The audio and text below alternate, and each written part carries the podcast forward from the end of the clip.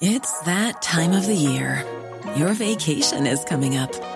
You can already hear the beach waves, feel the warm breeze, relax, and think about work. You really, really want it all to work out while you're away. Monday.com gives you and the team that peace of mind. When all work is on one platform and everyone's in sync, things just flow wherever you are. Tap the banner to go to Monday.com. There's never been a faster or easier way to start your weight loss journey than with PlushCare. PlushCare accepts most insurance plans and gives you online access to board-certified physicians who can prescribe FDA-approved weight loss medications like Wigovi and Zepbound for those who qualify. Take charge of your health and speak with a board-certified physician about a weight loss plan that's right for you. Get started today at plushcare.com slash weight loss. That's plushcare.com slash weight loss. plushcare.com slash weight loss.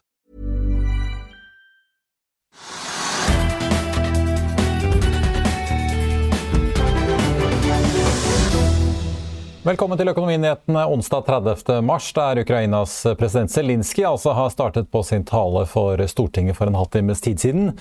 Det er jo ingen tvil om at krigen eh, på kontinentet fortsetter å prege markedene. Vi ser rundt oss i Europa at det er en blandet utvikling eh, på de ulike indeksene etter at Asia steg i morges. Og futuresene peker mot et fall på de amerikanske børsene når de nå åpner eh, etter den oppgangen vi så i går. Oljeprisen stiger 1,2% hvis vi ser på prisen for et fat nordsjøolje i spotmarkedet, og vi er da på 112 dollar og 50 cent. Det er omtrent den samme oppgangen som vi hadde i går, men på mandag hadde vi altså et fall på hele 8,2% Og spekulasjonene om forhandlinger mellom Ukraina og Russland og hva som kan komme ut av dem, preget jo markedene også i går. Hovedindeksen falt med 1,2% men i dag er vi opp igjen 2,2% og en viktig driver i utviklingen er jo selvfølgelig da utviklingen i Equinor. Den aksjen tanket jo regelrett i går ettermiddag og endte ned 5,1 I dag er den opp 6,4% og dermed tilbake på litt over 320 kroner aksjen. I tillegg drives hovedindeksen opp av både Aker BP, hydrogenselskapet Nell, Scatec og ikke minst aluminiumsgiganten Norsk Hydro i dag. Barclays har jo løftet kursmålet på aluminiumsaksjen. I andre enden så trekker bl.a. Skipsted, PGS og Adevinta hovedindeksen i andre retningen.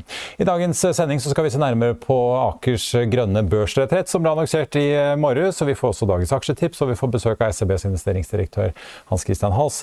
Men først skal vi ta en titt på litt av de andre nyhetene som har preget markedet i dag. Vår Energi stiger 3,5% og Jon Fredriksen fortsetter nedsalget i oljeaksjen. Vi ser også at det er eh, tre aksjer som kan eh, markere seg med ny all time high i dag. Det er SalMar, Cloudberry Clean Energy og Gram Car Carriers. Denne relativt ferskingen på børsen som jo driver med frakt av kjøretøy, er blant aksjene som stiger aller mest på onsdag. Og selskapet meldte da etter stengetid på børsen tirsdag om at de har fått en ny femårskontrakt for skipet Viking Emerald. Og den starter opp i eh, mai på en charterrate på rundt 28 000 dollar dagen, som gir en eh, kontraktsverdi på litt over 51 millioner dollar. Splash247 skriver onsdag ifølge TDN at ratene for bilskip nå når nye rekordnivåer, ifølge data fra Vessels Value. Og så får vi ta, ta, med at i andre enden så er det to aksjer som ikke er like heldige. To, både Borgestad og Nordic Halibut eh, er på eh, bunnrekorder i eh, dag. Flyselskapet SAS har utpekt ny finansdirektør i dag, etter at, for, at, det forrige onsdag ble klart at Magnus Ørnbergs trekker seg tilbake til våren. Han har vært finansdirektør i SAS eh, siden eh, Torbjørn Wist gikk av i 2020, og Ørnberg begynte da i september det året. Det er finske Erno Hildén som kommer inn eh, midt i en ganske kritisk periode for SAS. Det ble nylig kjent at det er brudd i forhandlingene mellom SAS-piloten og flyselskapet. Og det kan jo da ende i den første pilotstreiken på tre år. Samtidig pågår jo da også det intense arbeidet på kammerset med å finne en refinansieringsløsning for SAS under det store programmet til ledelsen som da heter SAS Forward. Erno Hildén har vært finansdirektør og driftsdirektør i konkurrenten Finnair, og kommer nå fra jobben som direktør for um, privatisering i Saudia Airlines. Han starter i april, og SAS-aksjen faller 1,3% på Oslo Børs i dag. Vi også ta med at dette bør slutte i går ble klart at uh, BDO nå har overlevert sin granskingsrapport av Askim og Spydeberg Sparebank. En bank vi i Finansavisen jo har omtalt mye når det gjelder en rekke kritiske forhold i det siste. Rapporten er ikke offentlig, Men ifølge en børsmelding fra banken så konkluderer BDO med at det er mistanke om alvorlige forhold i banken, og at det også er mangler og svikt i rutinene. Denne rapporten oversendes nå til myndighetene. SalMar annonserte også i går at de utsetter eller forlenger da svarfristen på budet sitt på oppdrettskonsernet NTS frem til børsslutt 29.4. SalMar har nå aksepter tilsvarende 50,2% og har dermed innfridd sitt eh, minstekrav i aksjen. NTS stiger 0,9 i dag, SalMar er opp 3 Som du kunne lese om i FA i dag, så er Jan Petter Schissner svært kritisk. Han er jo da aksjonær i NRS gjennom fondet sitt. Han mener at aksjonærene, inkludert han selv, blir ranet hvis ikke sammenslåingen med Samonor blir gjennomført. Og styrelederen i avviser kritikken. Det har jo pågått en litt pikant situasjon etter at uh, først uh, Movi og så SalMar kom inn og ville kjøpe NTS. For SalMar vil jo da helst ikke at uh, disse to underselskapene under NTS, Salmonor og NRS, skal slå seg sammen. Og SalMar skriver i børsmeldingen uh, i går ettermiddag at uh, de henviser når det gjelder hele situasjonen til meldingen fra NTS, der NTS altså skriver at de krever en ekstraordinær generalforsamling etter at det ble satt i gang en emisjon i Norway Royal Salmon. Og NRS-aksjen er opp 3,8 i dag. Før vi går videre i sendingen, husk at du også kan se sendingene våre ved å gå inn på fano-tv, og at vi også har andre podkaster enn bare Økonominyhetene, som Morgenkaffen, Gründerpodkasten Veien hit, Ukens vintips, Kunstpraten og bilpodkasten Mil etter mil. De finner du ved å søke Finansavisen, der du hører på podkast. Det siste året har det jo vært så mange akerselskaper på Oslo Børs at man nesten kunne laget en egen Røkke-indeks, men i dag kom nyhetene som gjør at den imaginære indeksen kanskje krymper litt. Akers fornybarselskap Aker Horizons varsler nemlig at de sluker både havvindselskapet Aker Offshore Wind og hydrogenselskapet Aker Clean Hydrogen gjennom eh, fusjoner. I tillegg skal altså selskapet Rainpower selges fra Aker Horizons over til Aker Solutions. Vi tok en prat med en av analytikerne som følger Aker-systemet tett, for å høre hva alt dette betyr.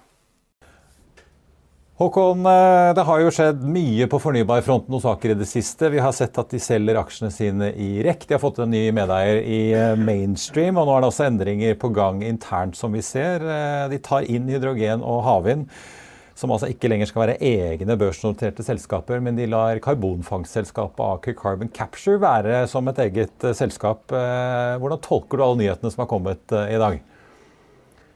Jeg, jeg, tror på en måte det er både en industriell forklaring og så er det en finansiell forklaring. Og Den industrielle forklaringen er i hvert fall ganske åpenbar f.eks. på offshore vind, i, i, og med at de har ganske mye synergier inn mot MRP. Um, ehm, um, ehm, mens for, for, Clean Hydrogen så tror jeg det handler mer om at uh, det, det, er et selskap som, som, var relativt i tidlig fase, og som tar lengre tid å utvikle. Uh, og, og, som gjør at måte, det, det, er færre fordeler med å være et, måte, et uavhengig børsnotert selskap. Og, og, når det gjelder det finansielle, så tror jeg det har litt med det at uh, det er klart aksjen har falt mye. Begge, begge, begge, selskapene har store finansieringsbehov. Og gitt liksom den relative utviklingen her, så er, det, så er, det, kanskje bedre å finansiere dette som en del uh, internt i Aker Horizon. Da. Så jeg, jeg, tror det er liksom hovedforklaringen. Mens Aker Carbon Capture har gått litt andre vei. Eh, og, og, og liksom er blitt, er blitt, på en måte velfungerende som et, som et, uavhengig selskap. Både verdimessig og egenkapitalmessig på egen hånd, og, og, også industrielt har hatt ganske mye framgang. Jeg tror det er egentlig forklaringen. Eh, ja, hvis vi tar, ser liksom på, litt på prisutviklingen og kursutviklingen her, da, for man får jo da oppgjør i aksjer i Aker Horizons. Eh, siste året så er jo da hydrogen- og havvindaksjene omtrent halvert. Horizons er ned 25% og så ser man da sist, på den siste måneden, da, som på en måte er grunnlaget for kalkylene i hvor mange aksjer man får. Så kan man jo se Den siste måneden så er jo Horizons opp 28 Aker Offshore Wind 15 og hydrogen opp 6 eh, Så altså Horizons som kjøper har jo steget mye mer enn de to andre som blir eh, kjøpt og fusjonert inn. En liksom gunstig deal for Aker Horizons da, eller? Ja, altså, altså, på en måte så kan man jo se det sånn at sant, eh, disse selskapene har hentet kapital da, og, og, og på, på, veldig høye nivåer, og så har de tryna mye. og så tar Aker Horizon tilbake inn på ganske mye lavere nivåer. Så, så, jeg tror det er at det har vært med å gjøre at dette er en deal som, som eller vært med å bidra til at Aker Horizon si, ønsker å gjøre dealen, er jo at uh, utvanningen i Aker Horizon ved å ta de inn, altså 13,2% flere aksjer, er akseptabel for Aker Horizons. Så, så, så, jeg tror nok det, det, er jo en del av bildet. og det er klart hvis, hvis Aker Clean Hydrogen hadde dobla seg fra IPO-en og, og, og alt hadde gått uh, superbra, og alt sånt, så hadde nok dette vært uh, mindre sannsynlig at man gjorde en deal som det her. Jeg tror nok det, det, har, det, er med på å gjøre det mulig for, og ønskelig for Aker Horizon å gjøre dealen, absolutt. Hvis vi ser liksom på, på pengebeholdningen rundt i disse forskjellige selskapene. Du var jo inne på det, altså Alle hentet jo penger, både havvind og karbonfangst, da de gikk på børs i 2020. Både Horizons og hydrogenselskapet hentet jo penger i fjor da de eh, gikk på børs. Det har jo vært spekulert i at havvindselskapet Aker Offshore Wind ville trengt en emisjon. Rett og slett fordi de har jo ikke noen inntekter, og, selvfølgelig driften koster jo. Uh, unngår Aker en litt sånn uh, dyrebar emisjon uh, nå senere i år ved å gjøre dette? Jeg tror på en måte, Det, er i hvert fall hevet over enhver tvil at disse selskapene har store kapitalbehov. og så tror jeg, så det tror jeg Måten Aker tenker på, er hvordan gjør man dette på en optimal måte. og, og, og Man kan jo da si at i noen tilfeller så vil det være optimalt å ha et separat børsnotert entitet som har en egen prising og som har egne aksjonærer. Men, men, i disse tilfellene, i og med at aksjen har falt mye, og det har vært mye negative vinklinger og spekulasjoner rundt kapitalbehov osv., så, videre, så vil kanskje Aker vurdere sånn at det er enklere og billigere å hente kapital i Aker Horizons enn å gjøre det i de, i, i de uavhengige selskapene.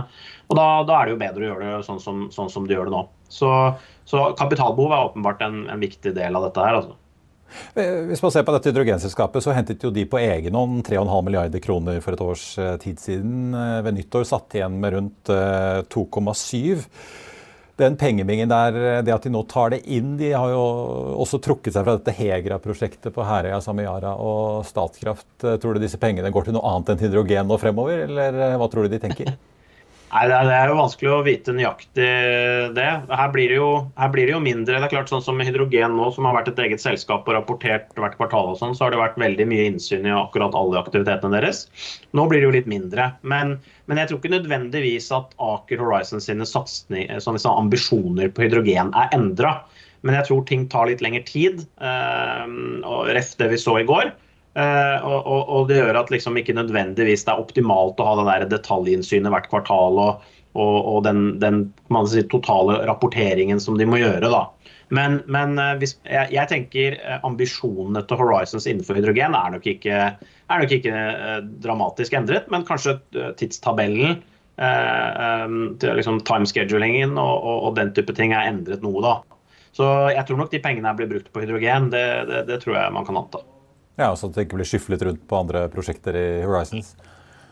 Jeg, jeg, tror, jeg, tror, i hvert fall at ambisjonene totalt sett på hydrogen kommer til å være høye. Det er jo et marked som kommer til å vokse mye, så, så det, det, kommer til å bli investert mye penger der. Så, så jeg ser ikke nødvendigvis at noe, noe stor, noe, uh, ser ikke nødvendigvis at det vil, det vil, endre på det. Men det er klart at hvis, hvis det tar tre år før de må investere penger i hydrogen, og de har penger der som kan brukes på noe annet i mellomtiden, så er jo det, er jo det sikkert en mulighet. Men, men, eh, men, eh, men over, over, over lang sikt så tror jeg nok kanskje at ambisjonen innenfor hydrogen er beholdt.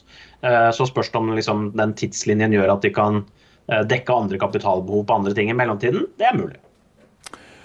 Vi må også snakke om en annen nyhet som var pakket, litt inn i meldingen i dag. De, altså Aker Horizon selger jo da dette Rainpower, dette vannkraftteknologiselskapet som de kjøpte i fjor til konsernkollega og leverandørkonsern Aker Solutions, som jo du har fulgt lenge også. Vi vet jo ikke helt hva de kjøpte Rainpower for, men Aker snakket om at de skjøt inn 100 millioner i kapital i selskapet, og nå selger de det for mellom det og 150 millioner. Hva kan vi lese ut av det salget? Jeg, jeg, tenker jo at Det er klart at det var, eh, det var i en fase i Aker Horizons hvor, liksom, hvor, det var mye muligheter i markedet, og de kanskje tok et par litt skudd i, i forskjellige retninger for å se hva som var liksom optimalt. Og så var kanskje dette et selskap som man, når man har modnet det fram, ser at passer bedre hos en type leverandør-ingeniørselskap som Aker Solution. Så akkurat det industrielle der eh, syns jeg jo kanskje høres fornuftig ut. Og når det gjelder prisen, så, så, så vil jeg i hvert fall min antakelse at i og med at eh, Rainpower sannsynligvis hadde behov for kapital på det tidspunktet Horizon kjøpte det, så var det en veldig veldig lav pris eh, Horizons kjøpte Rainpower for. Så det at uh, Aker Solutions overtar det for mellom 100 og 150, for meg så høres det ut som, som ca. kost. Uh, altså Det er bare summen som Aker Horizon har brukt på det. Så, så, da er det kanskje ikke så mye grunn til å liksom, vurdere det som en overpris, i hvert fall. Uh, sånn som det ser ut nå. Uten at vi har innsikt i hvordan liksom, Rainpower har utviklet seg i mellomtiden. Men det ser ut som basically de betaler kost, og det er vel, det er vel kanskje ikke helt, helt unfair. Til slutt, hvis man skal lære noe av dette som investor, nå ble jo alle disse selskapene selvfølgelig solgt inn med brask og bram både i 2020 og 2021. Men er det tryggest å sitte i porteføljeselskapene i Aker fremfor i alle disse ulike underselskapene? Nei, altså Vi, vi jo i hvert fall at det som er bra med Aker Horizon, er jo den tilgangen de har til kapital, og at du har en portefølje av flere selskaper i tilfelle enkelte av selskapene eller satsingene går dårligere bedre enn andre. Så det, det, er jo litt både òg. Jeg tror eh, Kjøper man direkte inn i, i nysatsingene, så får man jo veldig leverage mot den enkeltsatsingen. Karbonfangst har f.eks. Gått, gått veldig bra. Kjøper man Aker Horizon, så får man en portefølje av flere selskaper. Det, det gir kanskje litt mindre volatilitet over tid, i hvert fall. Eh, og, og liksom en bred portefølje. Eh, så, så litt, litt, mindre leverage på enkeltselskaper får man jo. Så, så jeg, er ikke, jeg, er ikke, fremmed for tanken å si at eh, vi syns det er ganske fornuftig å, å eie en sånn portefølje istedenfor enkeltselskaper. Det tror vi kan være fornuftig. Håkon Amundsen i ABG, takk for at du var med oss i dag. Takk skal du ha. Og så er det jo litt teknisk dette oppgjøret i disse grønne Aker-aksjene, men det er jo da sånn at bytteforholdet tilsvarer en utbetaling på 3,01 kroner per aksje i Aker Offshore Wind, som man da eventuelt eier når dette skal overtas av Aker Horizons. Hvis man ser på kursutviklingen nå i dag, så er den opp toko, litt, ja, rundt 2% i 2,87, så altså litt lavere enn den, eh, det bytteforholdet du får inn. Hvis du ser på eh, hydrogenselskapet ACH, så får du da 5,49 kroner i bytteforhold omtrent. Den aksjen er da opp 11 i dag, til 5,22, så også det er litt under eh, bytteforholdet. Aker Horizons selv faller rundt en prosent i dag, til 22 kroner og 80 øre. Meglerhuset Pareto har jo da en kjøpsanbefaling og et kursmål på 35, så de mener da at det trues er ganske mye å gå på i porteføljeselskapet til eh, Røkke junior. Hvis du ser på da Aker Carbon Capture, som ikke var en del av eh, alle disse nyhetene i dag, og som skal fortsette som et eget børsnotert selskap, så er de opp rundt rundt 1 i dag til 22 kroner. Vi holder oss i analysenes sfære, for i dagens aksjetips så handler det om både oljeaksjer, shipping og gode gamle Quantafuel, som Nordea har regnet litt på. Analytikerne har funnet frem kalkulatoren og spår vind i seilene for bl.a. shipping. Her er de viktigste oppdateringene fra meglerhusene onsdag 30. mars. Gregory Lewis i BTIG hever Jon Fredriksens Golden Ocean til 121 kroner. Tørrlastrederiet har nytt godt av et voldsomt sterkt marked i år, der tørrlastindeksen Baltic Dry har doblet seg siden starten av februar til midt i mars. De siste to ukene har det imidlertid gått nedover, men Louis har tro på mer vind i seilene for Fredriksens shippingaksje. Clarksons platåanalytiker Ingeborg Almås spår opptur i andre kvartal for Capesize-ratene. Særlig fordi Kina vil sette fart på veksten, og dermed mest sannsynlig vil sørge for økt stål stålproduksjon. Det vil få positive effekter for tøllastratene, sier Almås. Quantafuel steg voldsomme 30% mandag som følge av gjennombrudd på skivefabrikken i Danmark. Elliot Jones i Nordea Markets har dratt opp kursmålet på aksjen til 17 kroner, men han befaler likevel selv, til tross for mandagens gjennombrudd. Ivar Yttervold i Arctic Securities sa mandag til Finansavisen at han mener selskapet ikke har bevist teknologien og validert den ennå, til tross for meldingen om proof of concept. Jones ser etter sin oppdatering 20% nedside i Quantafuel.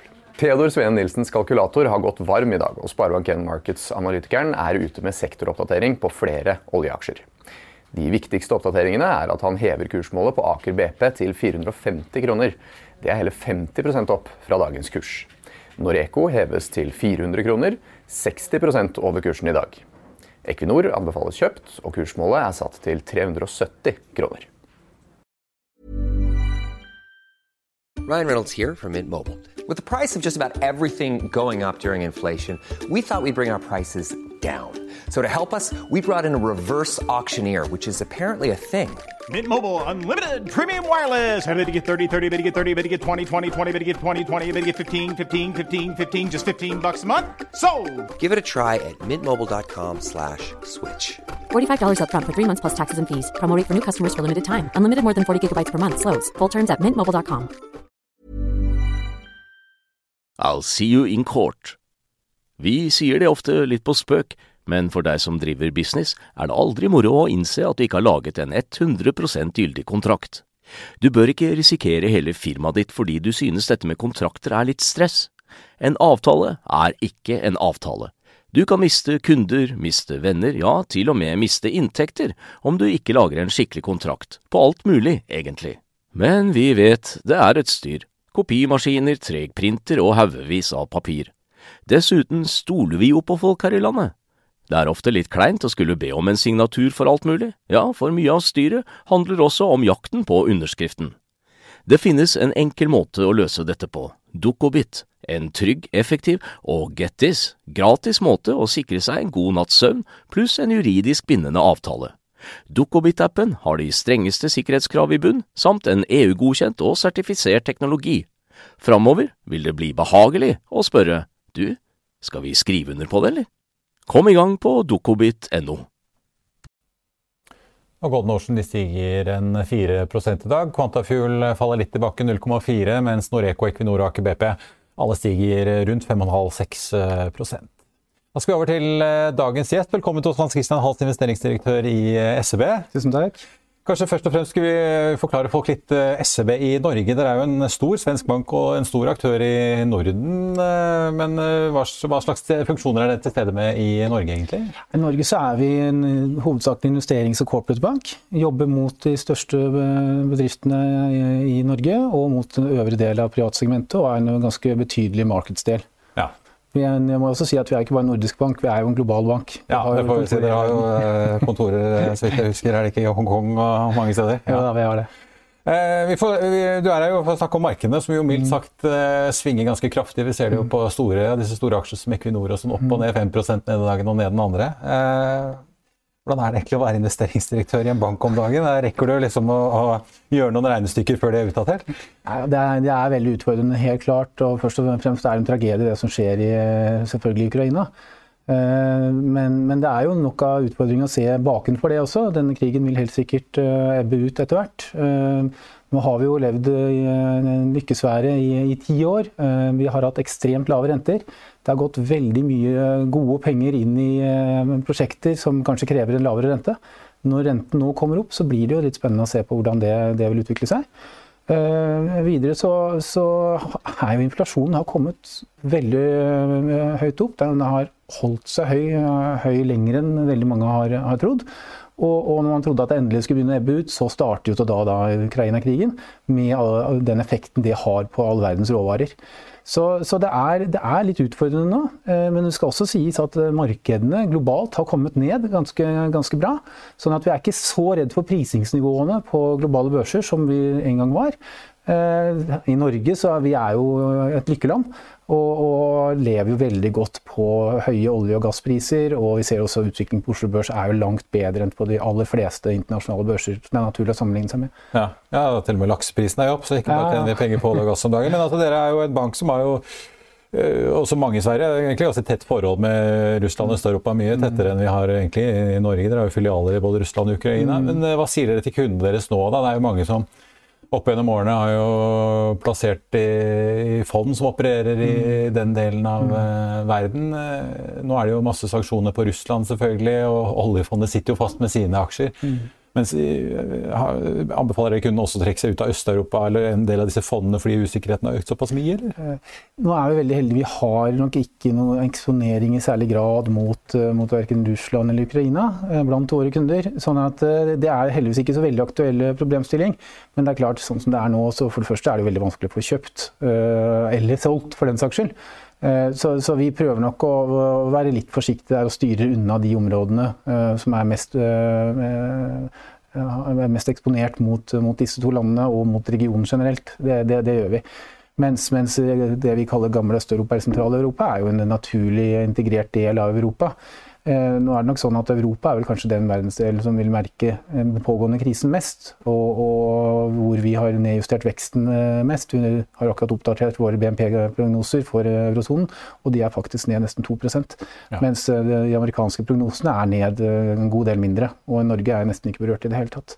Vi, jo, eh, vi snakket jo litt om det, altså Inflasjonen, særlig da energiprisen, er jo med på å drive opp mm. uh, egentlig alt. Fra uh, det å bygge bygg til å kjøre lastebiler og det som er. Mm. Uh, er det sånn at dere hvor, hvor, ille tror dere det blir i, i, Europa, da? USA preges jo også av dette, mm. men da i mindre grad. De er jo med, en god del mer selvfor, selvforsynte med energi.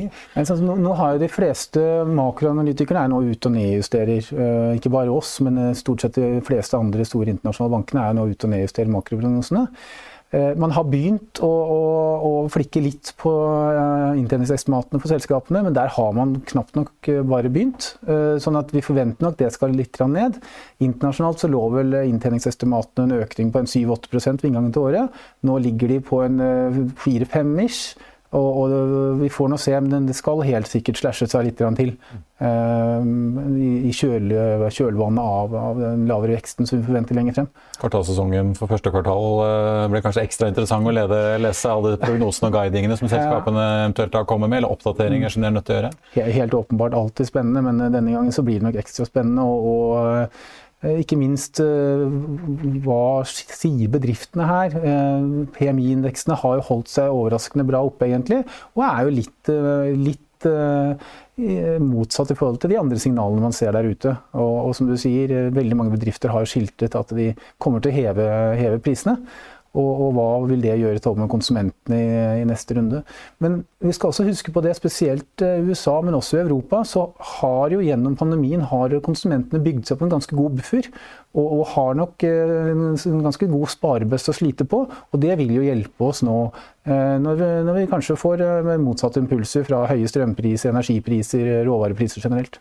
Men når vi ser, Det er jo litt sånn schizofrent, for du ser på en måte, mange indekser peker jo mot en voldsom kapasitetsutnyttelse. Der står vi jo senest fra regionalt nettverk i Norge, men vi, vi, ser det jo fra andre land også. Samtidig så, så vi jo etter utbruddet av krigen at industriindeksen i Tyskland stupte. Mm alle disse kostnadene kommer, eh, er det sånn at vi bør frykte det som populært kalles stagflasjon? Altså at eh, vi nesten får nedgangstider kombinert med fortsatt høy prisvekst? Ja, Man lager forskjellige scenarioer, og stagflasjon er jo et av de scenarioene man tar med her. Eh, foreløpig så legger vi ikke så veldig tung vekt på det, men man skal ha det med i totale, totalanalysen sin. Sånn at det er noe man må ta med. Men uh, i og med at Men Dere legger til grunn egentlig en mer slapp eller nullvekst? Uh, ja, vi legger til grunn en, fremdeles en positiv vekst, men, men ned som sagt, da, ca. et par prosentpoeng uh, fra der vi, der vi, var ved inngangen til året. og så er det veldig vanskelig å si. vi tar nok ett en måned for måned nå. og, og Eh, vi kan vel si med ganske stor grad av sikkerhet at vi kommer helt sikkert til å revidere eh, våre prognoser. Om det blir opp eller ned, det må vi bare komme tilbake til. Men eh, Hvordan er det dere råder kundene som plasserer plassere pengene mm. sine da, for å beskytte seg mot en uh, resesjon eller en, på en måte en, en ja, stor nedtur drevet av alt dette her? Da? Er det det snakkes jo gjerne om eh, bedrifter som kan være prissettende, at de faktisk har muligheten til å øke prisene sine for å ta igjen inflasjonen. Er det liksom noen spesielle sektorer eller noe som, eh, som peker seg ut som trygge havner?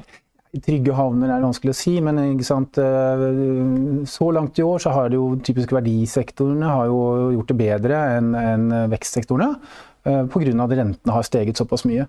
Eh, og innen teknologiverdenen, liksom consumer communication osv., så, videre, så der er det jo en god del av de store globale selskapene som ikke er så sensitive til konjunktursvingninger. Men det er klart forsvarsindustrien, eh, New Energy, Clean Energy, vil jo motta veldig mye investeringer i de kommende årene. Så det er vel noe hvis man skal tenke litt langsiktig. Eh, og, og, helt kortsiktig så, så, tør vi nesten ikke oss på, men, men, finans pleier også å være et greit sted å være når, når eh, rentene stiger. Ja, for Mange av disse finansaksjene har jo fått seg en knekk etter at mm. det, det ble krig og alle disse sanksjonene kom, som jo selvfølgelig helt skapte klart. mye uro. Ja, ja. helt klart. og Uh, uroen, den verste uroen uh, vet vi ikke om er over enda, men i løpet av en seks måneders tid, så, så, vil jo dette roe seg litt ned. Så, så, eh, vi tror nok ikke at uh, bankfinans er det verste. Men hvis vi prøver å se litt motsatt, så nå har rentene kommet opp. Uh, den amerikanske renten ligger nå på ca. 2,5 på tiåringen. Og, og drar den seg litt til, så kan det hende at man skal snu litt på dette her og se hvilke, hva har vært tapersektorene. Hvor dårlig har det faktisk gjort det? Og, Og dette er jo ofte da rentesensitive sektorer. Og hvis man tror at man begynner, lang igjen begynner å nærme seg toppen, at man kanskje snur litt, på, snur litt på det og ser litt mot de sektorene som faktisk har gjort det dårlig. Er det sånn eh, man kan si at bunnen i disse stakkars skadeskutte tech-aksjene nå er eh, nådd? Veldig mange av de skjedde jo lenger lenge før krigen, altså, som du sa, med, med stigende mm. renter. Så flere av disse, ja, både teknologi- og SG-aksjene ble jo fort halvert eh, fra toppen eh, for et år siden. Ja, Man skal være veldig forsiktig med å være veldig, si, være veldig krass i uttalelsen på dette, men det er klart at som jeg sa i sted, når det har vært så lave renter, så er det mange prosjekter, mange selskaper som har fått, uh, fått penger, som, som, kanskje ville slite med å få iverksatt uh, forretningsmodellen sin. Og, og, det er jo typisk i, i, i teknologi og kanskje ny energi også. Uh, mens solide selskaper med inntjening og med en god og bevist forretningsmodell vil jo helt klart fortsette å kunne gjøre det bra, og kan til og med gjøre det bra på børsen.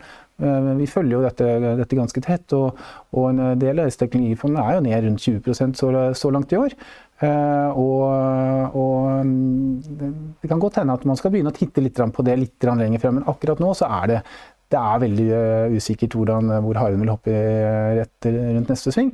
Og for kunder som på en måte sitter på sidelinjen og, og, og, skal allokere inn, så er vi helt klare på at man går inn gradvis. Å putte alle pengene inn på en gang nå, det er ikke noe vi råder til, men kanskje bruke en seks til tolv måneder for å komme seg gradvis inn. Ja, men apropos det, da, hvis du, hvis du da har, har, penger til overs og gå, gå inn. Mm. Eh, gradvis Ett et mm. råd. Dere er jo en svensk bank. Vi har jo sett at ikke bare det svenske, men for så vidt også det finske aksjemarkedet, mm. hvis du ser på Norden, har jo skilt seg negativt ganske mm. markant ut. Eh, noen av disse aksjefondene i Sverige annet, har jo vært ned oppimot 30 og har jo hentet seg litt inn. Nå er jo i hvert fall Stockholmsbørsen ned 11 omtrent siden mm. nyttår, mens Oslo Børs, godt hjulpet av Equinor og olje- og gassaksjer, er jo opp nesten 6 mm. Ganske store skiller. Er, det, hvorfor er egentlig Sverige og Finland så mye ned? Er, Finland er jo veldig avhengig, eller, veldig avhengig de eksporterer en del og handler en del med Russland, og ligger veldig nærme Russland. Bare det er vel, de får en effekt av det. Får nok ja. liten effekt der. Mens, mens uh, svenske selskaper er jo veldig internasjonale og veldig eksportorientert. Og, og, lider jo litt av det. Så det, det, kan nok være et av de markedene når ting stabiliserer seg litt her, at man skal titte mot både industri og materials er jo stort i Sverige. Eh, så det kan, det kan, være et marked som, eh, å se på, ja. tror vi. da. At man kan begynne å mm. kanskje legge mer penger der enn i det norske markedet? sånn Ja, eh, egentlig. altså. Og, og, vi ser at veldig mange av våre, våre, kunder tenker noe mer nordisk enn bare norsk. og Hvis man ser på Norden, så har du egentlig en veldig god sammensetning hvis du ser på de fire nordiske landene, hva slags sektorsammensetning som er. Er det noe du liksom virkelig skyr som pesten i disse dager, når det er så mye usikkerhet og volatilitet? Nei, det, Vi var veldig forsiktige med vekstaksjer eh, gjennom eh, høsten i fjor. Eh, nå, vi, liksom, nå setter vi nok et, et, bein i hver leir. Altså. Vi gjør det, så vi er, vi er ikke sånn veldig high conviction, men, men selskaper med høy belåning mm. er vi forsiktige med. Nå blir fundingkostnaden går opp her. og nå er vi kanskje overrasket at eh, høyrentespreddene ikke er høyere enn de er, men, men det er klart at, eh, at, selskaper som må finansiere seg høyt nå, og har høy belåning, bør man nok være litt forsiktig med. Hans Christian Hals, investeringsdirektør i SEB, takk for at du kom til oss. Tusen takk.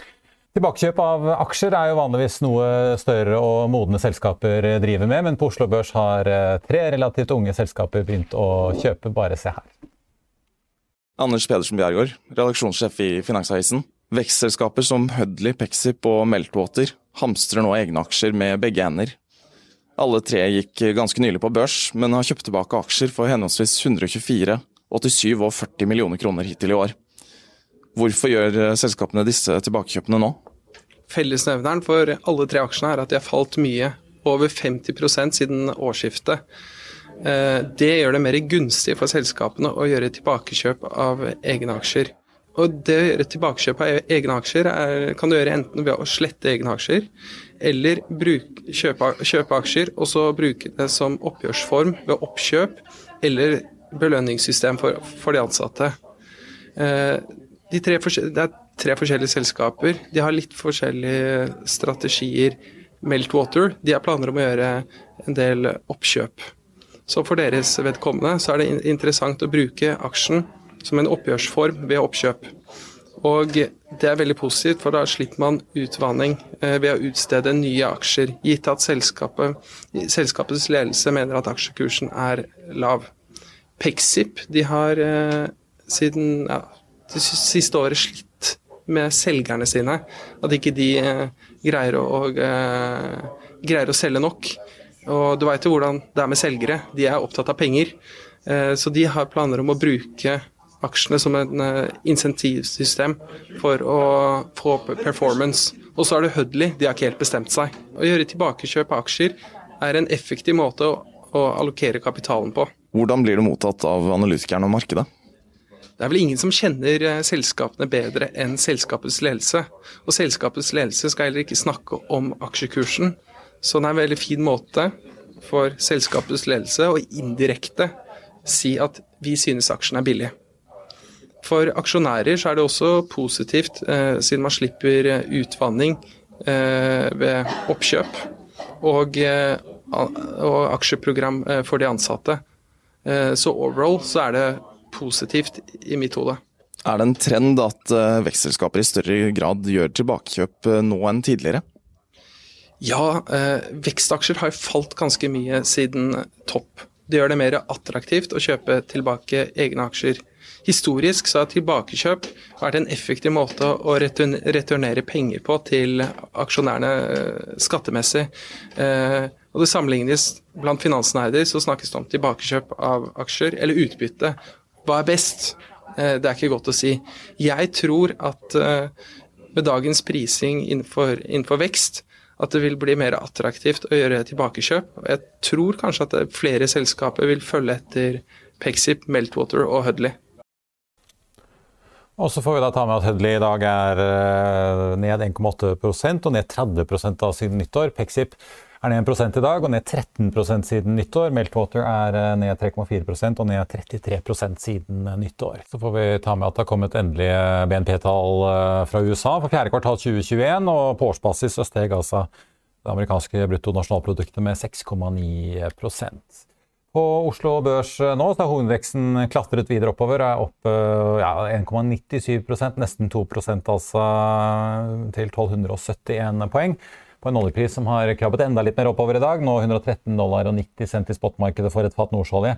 Det er en oppgang på 2,5% Det hjelper selvfølgelig oljeaksjene som Equinor og Aker BP. De er opp rundt 6 eh, begge to. Vår Energi Ligger litt bak, men fortsatt opp 3,2% Og så får jo da også Norsk Hydro en liten boost i dag. 5,2% opp får vi si for aluminiumsgiganten. De fikk jo da bl.a. et eh, økte kursmålet fra Barclays. På eh, taperlisten i dag finner vi aksjer som Afi og Cadeler, som begge er ned rundt 7 og så får vi da gå innom disse Aker-aksjene, da, som alle tikker oppover i dag. Aker, unntatt av Aker Horizon selv, dette porteføljeselskapet på toppen av fornybarsystemet til Aker. Som da skal sluke både hydrogen- og havvindselskapet.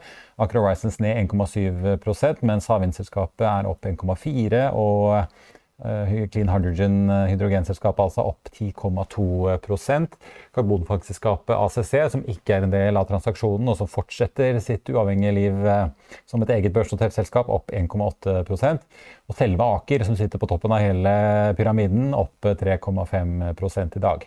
SAS annonserte jo da som ny finansdirektør. De, de er ned 1,7 i dag på Oslo Børs.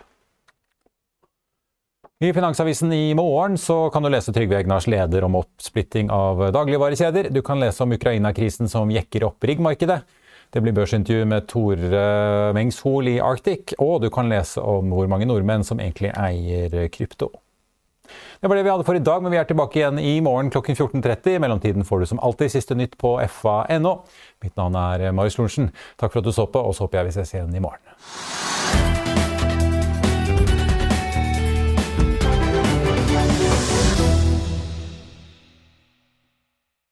Økonominyhetene er en podkast fra Finansavisen. Programledere er Marius Lorentzen, Stein Ove Haugen og Benedikte Storm Bamvik. Produsenter er Lars Brenden Skram og Bashar Johar. Og ansvarlig redaktør er Trygve Hegnar.